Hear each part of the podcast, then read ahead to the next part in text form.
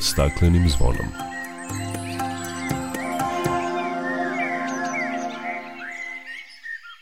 Dobar dan i dobrodošli na Zeleni talas prvog programa radija Radio Televizije Vojvodine. Ja sam Dragana Ratković. U ovo nedeljnom izdanju emisije govorit ćemo o upravljanju staklenom ambalažom u Somboru i Novom Sadu, kao i o aktivnostima Novosadskog udruženja Čepom do osmeha, koje više od 10 godina sakuplja plastične čepove i obezbeđuje pomagala za decu sa smetnjama u razvoju.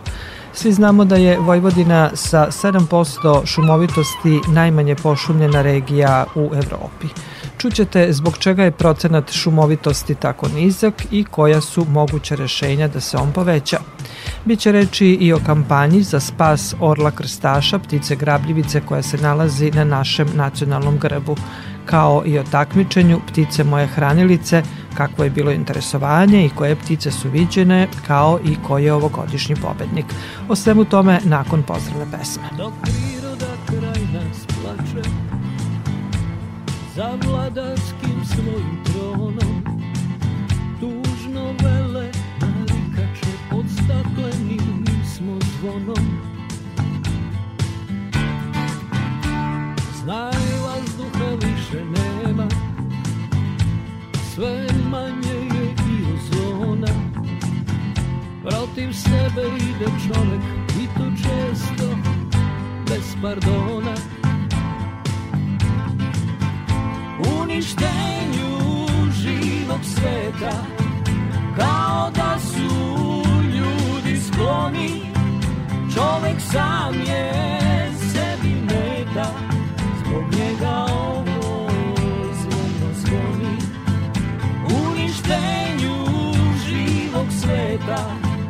Kao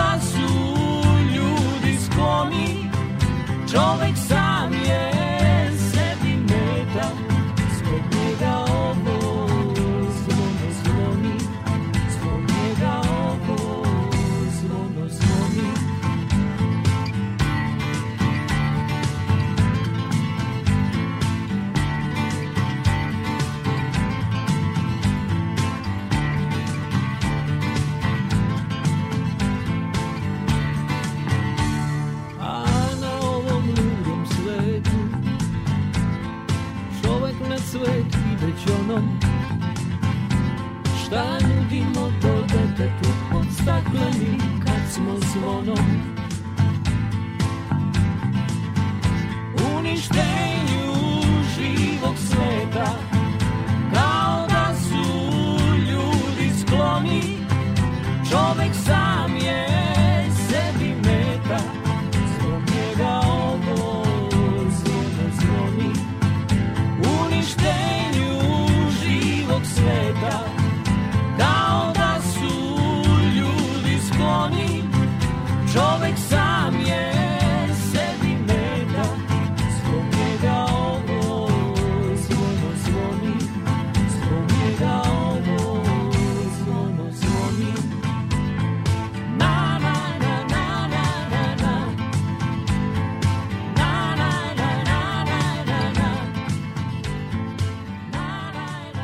Za grad Sombor kažu da je po prikupljanju staklene ambalaže lider u našoj zemlji jer od 2012. godine kada je izgrađen centar za prikupljanje i selekciju otpada, građani su navikli da obavljaju primarnu selekciju.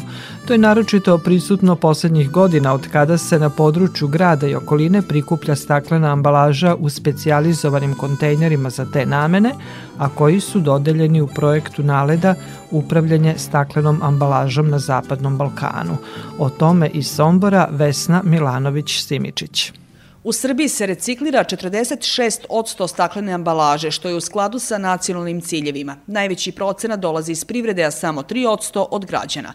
Od 2021. godine, kada je po projektu Somboru dodeljeno namenskih 150 kontejnera za prikupljanje staklenog otpada, sakupljeno je 52% više, što je ovaj grad svrstalo u sam vrh po prikupljenim količinama ove sekundarne sirovine.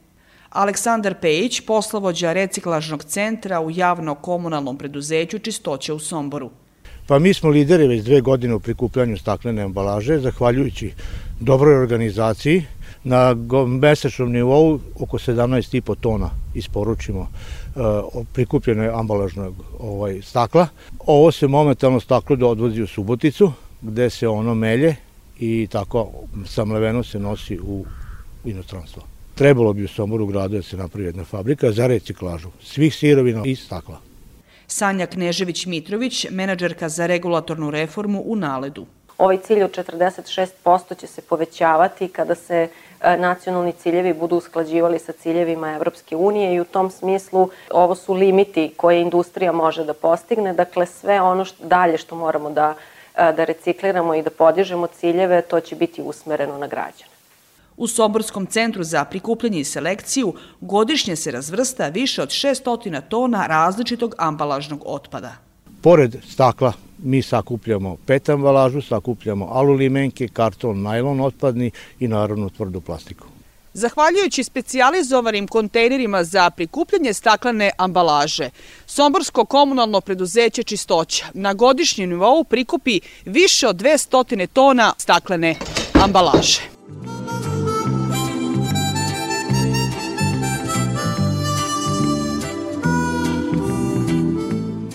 Prošle godine u martu počelo je postavljanje kontejnera za staklenu ambalažu i u Novom Sadu. Sada ih ima 250, a u narednom periodu biće postavljeno još 130. Novosađani su pokazali veliku ekološku svest jer su sakupljene velike količine staklene ambalaže, kaže Daniela Jankov iz javno-komunalnog preduzeća Čistoća. U prethodnoj godini e, prikupljeno preko 50.000 kg staklene ambalaže. Na uzorku od, možemo reći, 150 ovakvih kontejnera, pošto je tek u drugoj polovini decembra dodato još 100 kontejnera e, takozvanih zvona. Dakle, velika teritorija grada je pokrivena sada kontejnerima za prikupljanje staklene ambalaže. U narednom periodu nam stiže još 130 ovakvih kontejnera i biće pokrivena upravo kompletna teritorija grada Novog Sada. Ovi kontejneri predviđeni su za flaše, za tegle, dakle nije bitna boja, boje se razvrstavaju. Nisu predviđeni za lomljeno staklo, kao što je prozorsko okno ili slično. Dakle, isključivo flaše i tegle se odlažu u ovakve kontejnere. Poželjno je skinuti čep sa flaše, odnosno tegle i tako ubaciti u kontejner. U početku je to bilo malo stidljivije dok se nisu navikli na postojanje uh, ovakve mogućnosti, odnosno uh, kontejnera za prikupljanje staklene ambalaže, a sada je to zaista, su to velike količine koje prispaju na gradsku deponiju i ovi kontejneri su neretko puni, pa da ne kažem i prepuni, pošto ih stalno pratimo. Dakle, pratimo popunjenost i po potrebi se prazne.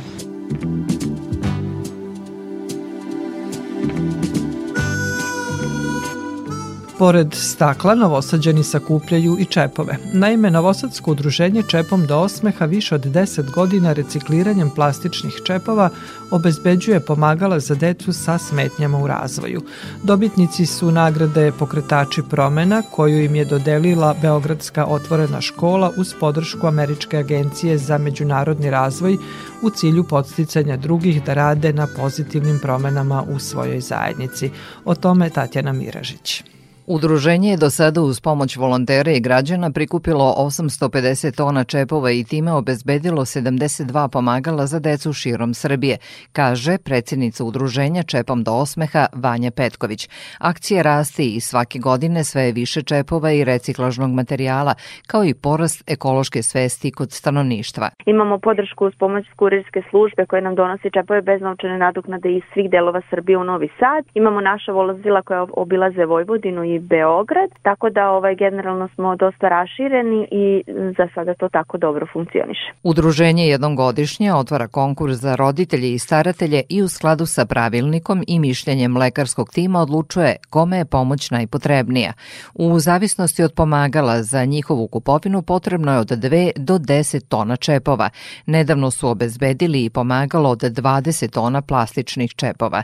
Cena za 1 kg čepova iznosi od 30 do 40 45 dinara, u zavisnosti od reciklažnog centra, podsjeća predsednica tog udruženja. Kod nas imamo malo ekološko ostrvo gde mogu da se donesu i papir i limenke i pet ambalaža i biootpad i staklo pozivamo građane da vrše primarnu separaciju otpada i na taj način postaknemo i donosioce odluka da je velika potreba novosađana da, i, da je velika potreba, a i želja novosađana da vrše primarnu separaciju otpada i da što veću količinu otpada recikliramo. Podsećamo, građani mogu doneti reciklažni materijal u Ćirpanovoj 25 svakog dana od 8 do 18 časova, a subotom od pola 9 do 2.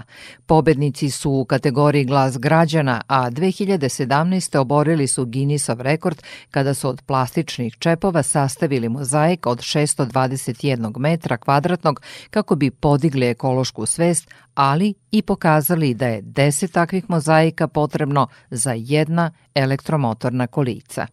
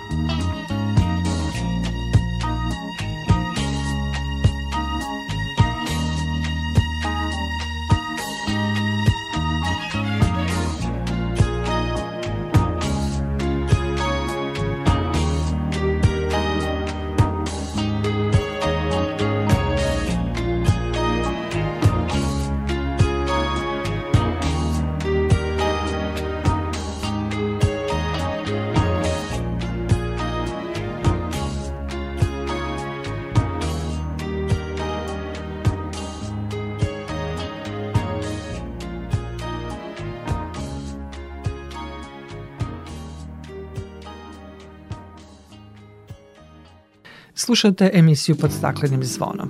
Postavljanjem ambicioznih ciljeva za period do 2050. godine, odnosno 2030.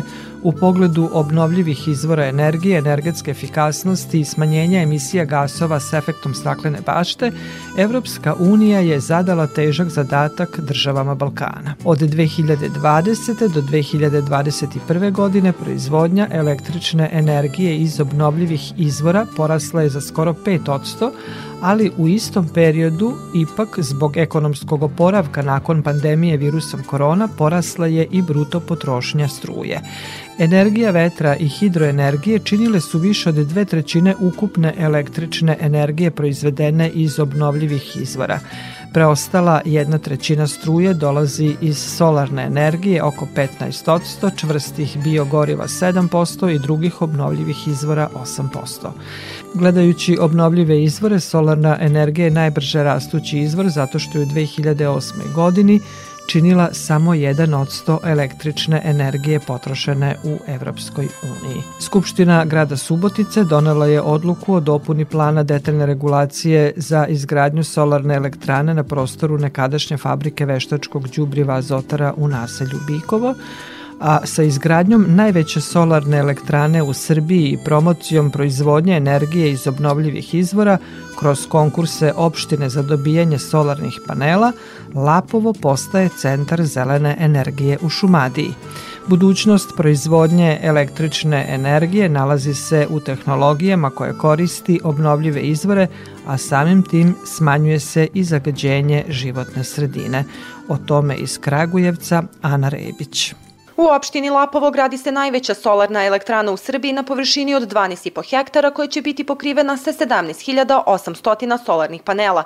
Vlasnik preduzeća MT Comex Miloš Kostić objašnjava da će proizvodnja električne energije iznositi 15.000 MW sati, dok je u planu i da se ta brojka duplira izgradnjom još jedne solarne elektrane. Nama je sunce ono što nam je neophodno, procena je da ovde ima negde oko 1300 vati po metru kvadratnom sunčevog zračenja, što je nama dalo do znanja da je ova lokacija veoma dobra za instalaciju solarnih panela. Konzum celog Lapova i Batočina iznosi negde oko 18 MW, što znači da kada izgradimo ovu elektranu koja će biti 9,9 ove godine, a u planu je na istoj lokaciji susedna parcela pored ove, još 9,9 MW, mi ćemo sa ove dve elektrane snabdevati maltene celo Apovo električnom energijom i to zelenom sa njihovog terena. Opština Lapovo polako postaje centar proizvodnje električne energije i solarnih panela, ističe predsednica Skupštine opštine Lapovo Mirela Radenković. Ova elektrana je privukla pažnju uh, mnogih investitora i mi smo imali već i pregovore sa kineskom kompanijom, mađarskom kompanijom koja je takođe zainteresovana da ulaže u našu opštinu baš u izgradnju još solarnih uh, elektrana. Tako, to, tako da će to značiti svakako i za privredu i za građanstvo naše opštine. Mi smo i na nivou lokalne samouprave prošle godine imali konkurs raspisan gde su naši stanovnici, naši građani mogli da konkurišu za solarne panele koji bi postavljali na krovove svojih kuća i po prvi put bi imali mogućnost i da proizvode, ali i da prodaju električnu energiju. Trenutno se u Srbiji iz hidrovetro i solarnih elektrana proizvodi negde oko 30% energije iz obnovljivih izvora, dok je cilj da se proizvodnja zelene energije poveća i do 50% u našoj zemlji.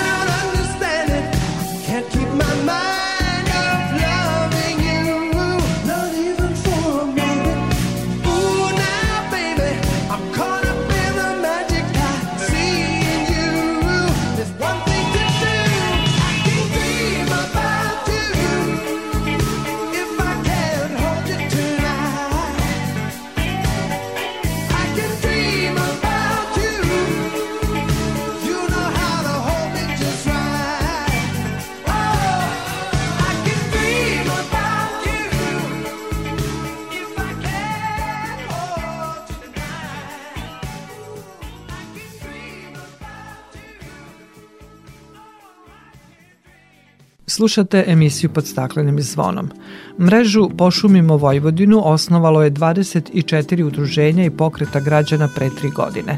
Mreža radi na povećanju uticaja javnosti na donosioce odluka, na razvijenju svesti o važnosti očuvanja šuma i problemima u vezi pošumljavanja, kao i načinima za njihovo rešavanje. Mreža je istraživala i kako se planiralo i koliko finansiralo pošumljavanje u Vojvodini poslednjih godina kroz primenu zakona o šumama i zakona o poljoprivrednom zemljištu. O problemu povećanja šumovitosti Vojvodine i mogućim rešenjima kao i o rezultatima istraživanja razgovaram sa Dejanom Maksimovićem iz Ekološkog centra Stanište u Vršcu. Dejane, dobrodošli na talase Radio Novog Sada. Hvala, dobar dan. Vojvodina jeste poljoprivredna regija i poljoprivredno zemljište ima najveći prioritet i zauzima najveću površinu, ali nedostatak šuma i tekako negativno utiče na sve aspekte našeg života i kažu da sa 7% pošumljenosti u Vojvodini, što je izuzetno nizak procenat, spadamo u najnepošumljeniju regiju u Evropi. Šta je najveći problem, Dejane? Ne samo to što je Vojvodina najmanje pošumljena regija, nego ni raspored šuma u Vojvodini nije odgovarajući. Tako da najviše šuma se nalazi u južnim i u zapadnim delovima Vojvodine, a oko 80% Vojvodine je potpuno obešumljeno sa ispod 1% šumovitosti, tako da je problem mnogo značajniji veći nego što se na prvi pogled čini. Glavni problemi koji pošumljavanje onemogućavaju jesu pre svega taj što niko ne želi da se odrekne poljoprivrednog zemljišta zarad pošumljavanja jer se tako odriče prihoda od tog zemljišta a to jednostavno niko ne želi, tako da ćemo i od zvaničnika čuti i kroz dokumente kada ih malo pogledamo, mi smo to uradili tokom ovog istraživanja, primetit ćemo da je nedostatak zemljišta na kojem će se saditi e, šume jedan od najvažnijih razloga za ovako slabu pošumljenost. Ono što smo u tokom istraživanja primetili jeste da novac nije presudni faktor koji pošumljavanje onemogućava. Na primjer, u Pokrenjskom fondu za šume se kroz konkurse godinama unazad nudilo znatno više novca nego što je na kraju po konkursima i podeljeno. Otprilike jedna trećina novca koja je bila ponuđena konkursima je i podeljena, glavni razlog je taj što se na konkurs javljalo mali broj prijeva je, je bio tako da je novac ostao uglavnom nepodeljen. A jedan od razloga zašto se opštine ne javljaju jeste upravo to što nema ni gde da sade, a nemaju ni planove e, sadnje jer smo mi e, utvrdili tokom istraživanja da samo jedna jedina opština, to je opština Srbobran, ima višegodišnji plan pošumljavanja. Tako da se pitamo kako uopšte može pošumljavanje da se sprovodi ako ne postoje e, operativni planovi pošumljavanja, kroz koje će se izdvojiti konkretne površine za pošumljavanje, gde će se e, odrediti i kojim vrstama i koje mere nege i zaštiti će se sprovoditi, ko će upravljati šuma nakon sadnje, koliko će to sve da košte, koliko i u kom vremenskom periodu će se to sve ostvariti. Jedna jedina opština u Vojvodini od 45 njih ovakav plan ima. Dejane, rekli ste da je to Srbobran, ali Srbobran je i jedna od najmanje pošumljenih opština u Vojvodini, što je nekako... Logično je da oni imaju plan pošumljavanja. Jeste, ali tu su i druge opštine, i Temerin, i Mali Iđoš. Rekli ste i razlog zašto ove opštine ne konkurišu za sredstvo sredstva. Šta je po vama onda rešenje? Kako rešiti i povećati pošumljenost Vojvodine ako s jedne strane postoji nezainteresovanost opština, dakle nepostojanje planova da reše neke probleme na svojoj teritoriji? Mreža Pošujemo Vojvodinu je predložila nekoliko mera čije usvajanje zagovaramo.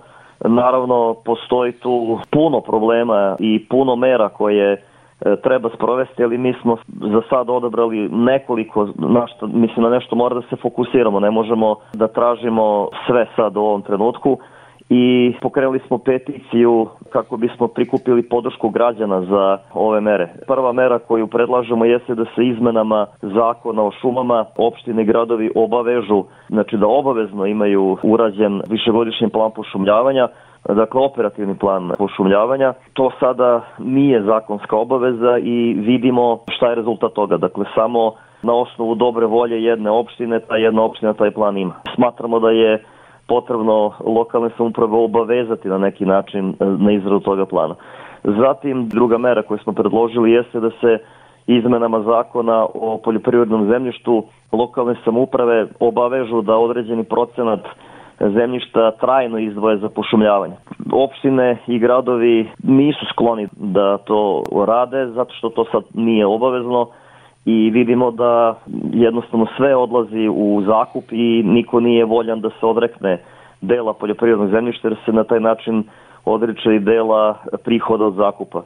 Smatramo da je takvo stanje nezadovoljavajuće i da izmenama zakona o poljoprivrednom zemljištu bi trebalo obavezati lokalne samouprave da jedan određeni procent zemljišta izdvoje za pošumljavanje i da ga stalno e, izdvoje za, za, za tu namenu. Dešavalo se ranije godina, a to je da opština, na primjer, nekome dozvoli sadnju na određenim parcelama, a onda posle nekoliko godina te iste parcele izda u zakup, pa zakupac te sadnice uništi ili preore jednostavno. Tako da da se ne bi sve to dešavalo, smatramo da je sasvim opravdano izmenama zakona obavezati lokalne samuprave da određeni deo poljoprivrednog zemljišta izdvoje za pošumljavanje. Takođe smo predložili i zagovaramo i to da se izmenama istog zakona o poljoprivrednom zemljištu izmeni odnos pripadnosti prihoda od naknada za zakup poljoprivrednog zemljišta.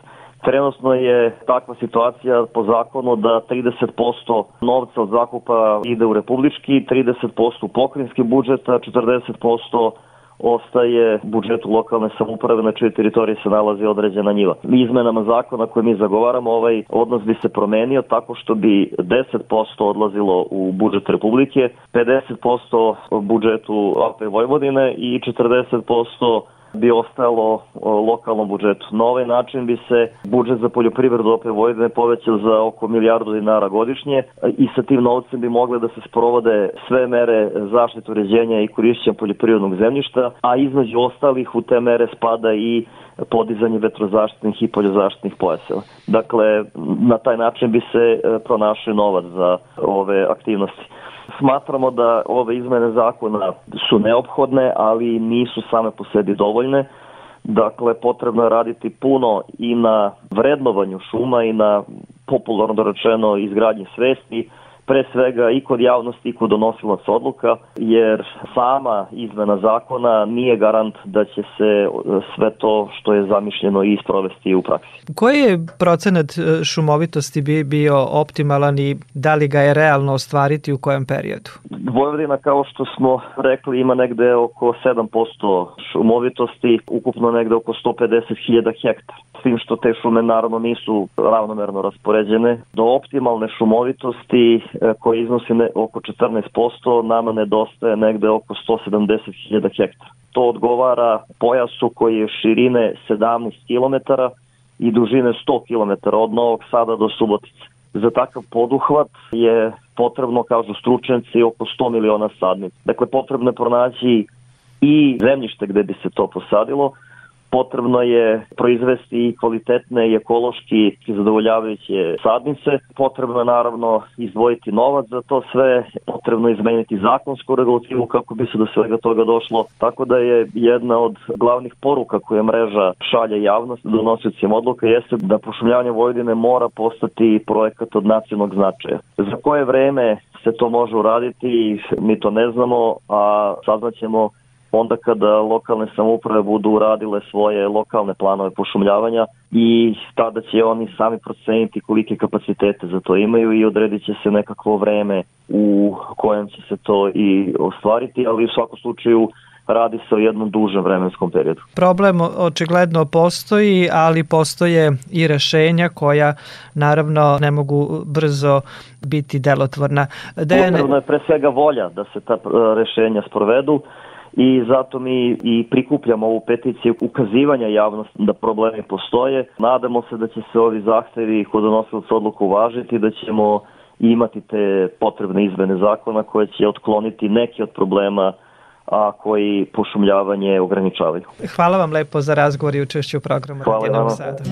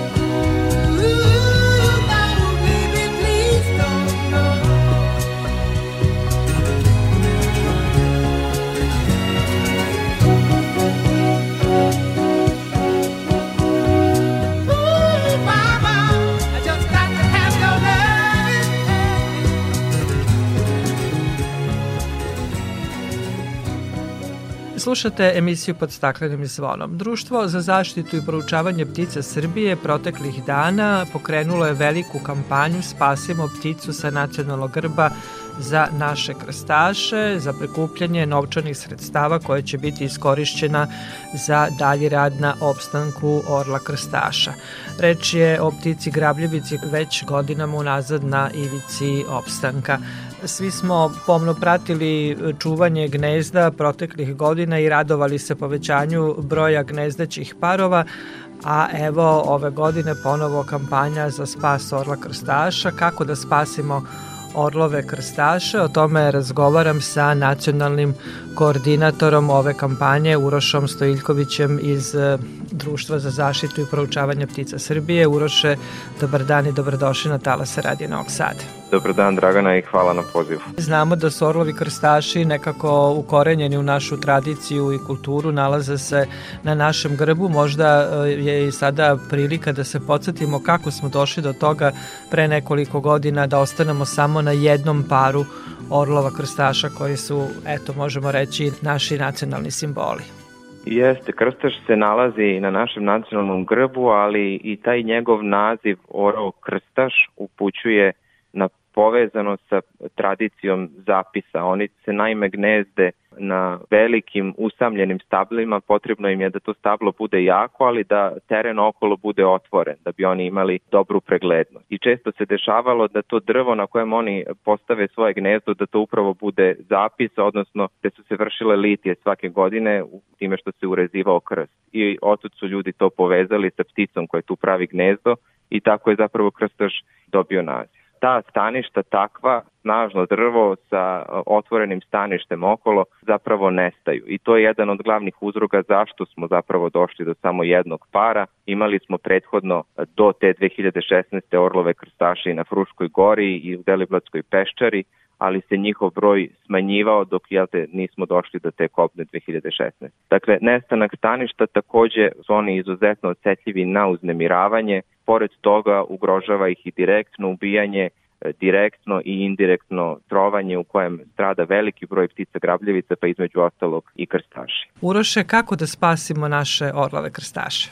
najbolje bi bilo da nastavimo sve ono što smo radili prethodnih godina, a što je dovelo do povećanja njihove brojnosti od 2016. kad smo imali jedan par do 2023. sada kada imamo e, pet parova orlova krstaša. To znači da moramo moramo ih zapravo štititi. Ovo jesu impozantne ptice grabljevice sa rasponom krila od 2 metra, ali oni su izuzetno osetljivi, pogotovo u tom periodu gnežđenja, negde od kraja marta do jula, avgusta, kada mladunci napuštaju gnezdo. Tako da izuzetno je važno čuvati ta postojeća gnezda i obezbediti zapravo stanište za neke populacije iz okolnih zemalja koje se povećavaju i koje će se u nekom trenutku, ukoliko im obezbedimo stanište, sigurno naseliti i u našoj zemlji. Dakle, treba čuvati gnezda od uznemiravanja, sprečiti slučajeve trovanja ili ubijanja i treba naći, da kažem, adekvatan prostor gde bismo mogli da postavimo možda nekakve gnezdeće platforme koje smo postavljali i prethodnih godina, a koje bi možda krstaši onda prihvatili. Dakle, potrebna je novčana pomoć da, da bi se sprovele ove e, mere. Kako da pomognemo? Jeste, svako može da pomogne. Mi smo pokrenuli tu veliku kampanju prikupljanja sredstava, potrebno nam je milion dinara da bismo ove godine čuvali tih pet parova. Svih pet e, parova se nalaze na teritoriji Vojvodine, tačnije u Banatu. Oni su međusobno udaljeni najmanje 100 km, a često i više, tako da potrebno je zapravo da jedna ekipa u kontinuitetu od šest meseci 7 u, u tom pomenutom periodu od marta do jula, avgusta da obilazi tih, tih pet gnezda. Dakle, potreba nam je novac za gorivo kako bismo ih obilazili i potrebno je novac za hranu i smeštaj za tu ekipu koja će na tome raditi. Takođe bismo hteli da sakupimo novac i za dva satelitska odašiljača kojima bismo obeležili mlade krstaše i čuvali ih u tom periodu na početku njihovog života kad su oni najosetljiviji. I ovo sad možda deluje ovako ljudima kao da da oni direktno ne pomažu krstašu time što novac se daje za gorivo i za hranu i smeštaj, ali to je zapravo ključno i to se pokazalo i prethodnih godina, recimo 2017. kada je bio samo jedan par i kada se desila ta velika letnja oluja, kada se srušilo drvo na kojem je bio taj poslednji par krstaša, da nije bilo čuvara, tada u tom trenutku verovatno bismo izgubili zapravo krstaše iz Srbije. Tako da to čuvanje je zapravo izuzetno važno, pogotovo kroz saradnju sa lokalnom zajednicom. Ljudi najčešće ne znaju da imaju pticu sa nacionalnog grba, možda tu negde u blizini, proći će recimo traktorom, kombajnom i tako dalje i krstaši će napustiti svoju gnezdeću lokaciju. Tako da izuzetno je važno čuvati ovih pet parova. Svi oni koji žele da doniraju novac, e, kako da to učine? Preko sajta donacije.rs tu smo pokrenuli kampanju. Čim otvorite taj sajt vidjet ćete za naše krstaše može se uplatiti novac direktno preko tog sajta i Srbije iz inostranstva, može se uplatiti namenski na naš račun, sve je vrlo transparentno, već na samom sajtu beleži se ko je koliko donirao, naravno može se to odraditi anonimno ukoliko neko to želi, a mi smo i za određen broj donatora pripremili i neke poklone u znak zahvalnosti za, za podršku. Da, za samo nekoliko godina od 2016. do 2023. godine kroz mere zaštite uspeli smo da od jednog para sada na početku 2023. imamo pet gnezdećih parova orla krstaša i bilo bi lepo da se njihov broj u narednom periodu poveća povećava i zato bilo bi lepo da se svi uključimo u ovu kampanju za spas Orla Krstaša. Uroše, hvala vam lepo na razgovoru i učešću u programu Radio Novog Sada. Hvala i vama. slipping,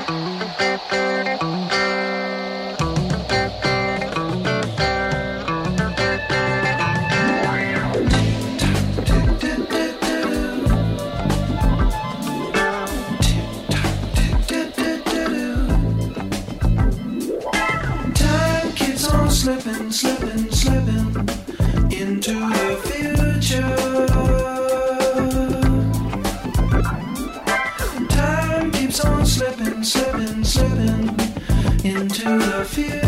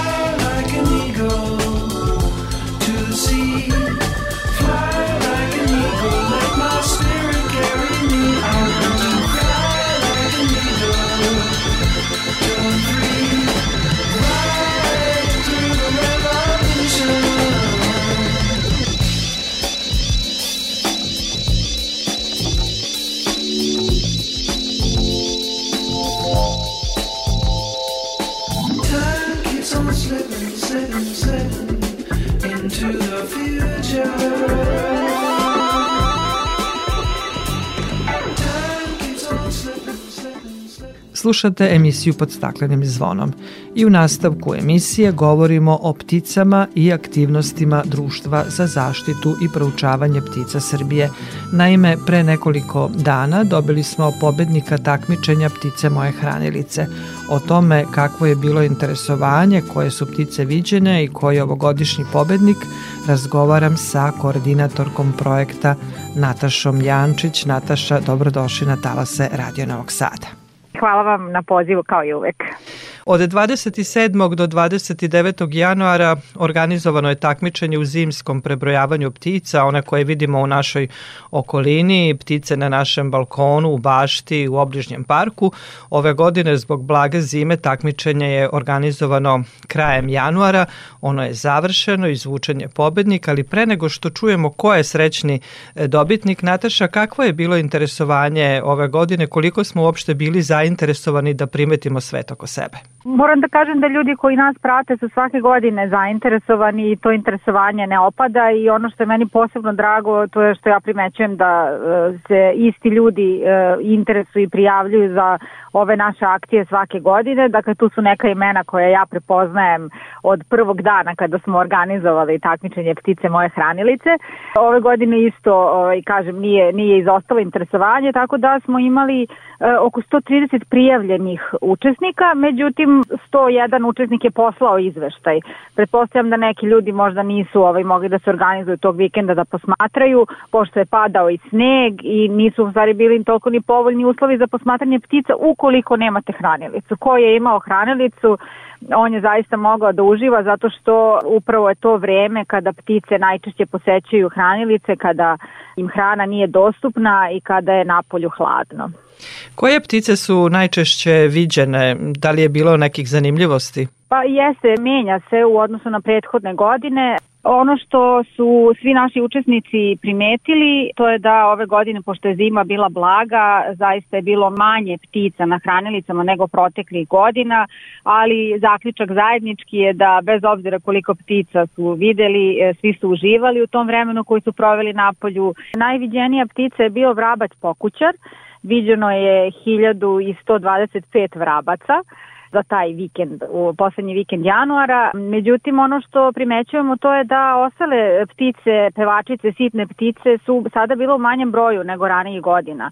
Pa je nekako ranije su velike senice recimo bile na drugom mestu, sada su na četvrtom. Potisnuli su ih gradski golubovi i e, sive vrane. Tako da ove godine zapravo vidim mnogo više tih krupnijih ptica u odnosu na sitnije koje su ranije e, bile dominantne u ovom našem takmičenju. Što se tiče ostalih vrsta, to je isto bilo očekivano. Viđeno je dosta detlića, recimo, to mi je bilo jako interesantno. Oko 15 detlića su prebrojali.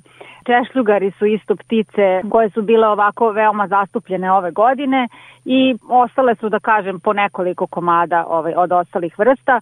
U svakom slučaju nama svi ti podaci znače da vidimo kako se menja populacija ptica u urbanim sredinama, i šta njima zapravo treba tokom zimskih meseci. Svi oni koji su učestvovali u akciji imali su priliku da osvoje nagradu bez obzira na broj viđenih ptica, pa da čujemo ko je ovogodišnji pobednik u akciji Ptica moje hranilice, ko to tamo kljuca. Da, ove godine smo promenili koncept, ranih godina smo mi nagrađivali ljude koji su videli najveći broj recimo ptica na hranilici, najveći broj vrsta.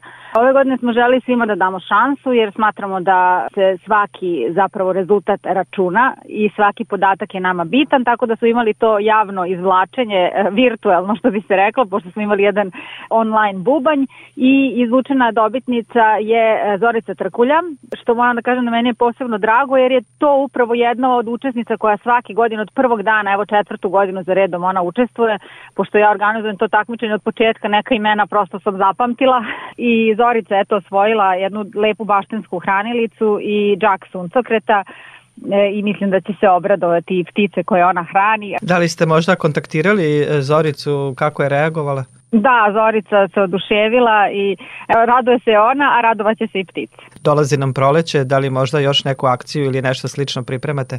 Pa želimo svakako da nastavimo sa akcijama gde će ljudi početi da obraćaju pažnju na ptice koje nas okružuju.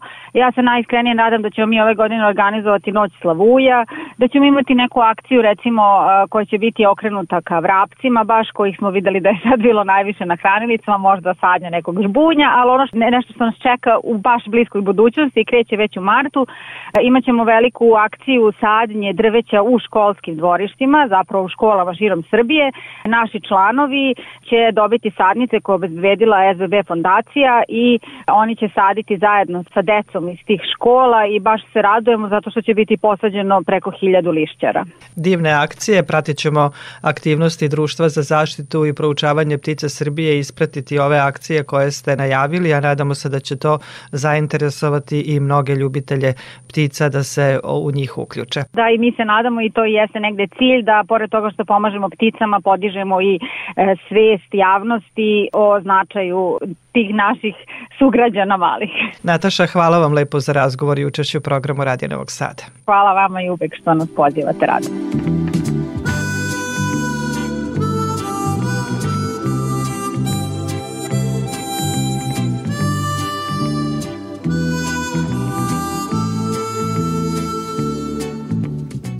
I za kraj najava jednog lepog događaja za sve ljubitelje prirode. Povodom 20 godina bavljanja prirodnjačkom fotografijom u Pokrajinskom zavodu za zaštitu prirode u utorak 14. februara u 18 časova biće otvorena izložba fotografija autora Dragiše Savića koji radi kao biolog u Nacionalnom parku Fruška Gora. On je za 20 godina fotografisao 5000 vrsta. Verujemo da je za ovu izložbu izabrao one najlepše i najoriginalnije fotografije, stoga topla preporuka da je posetite.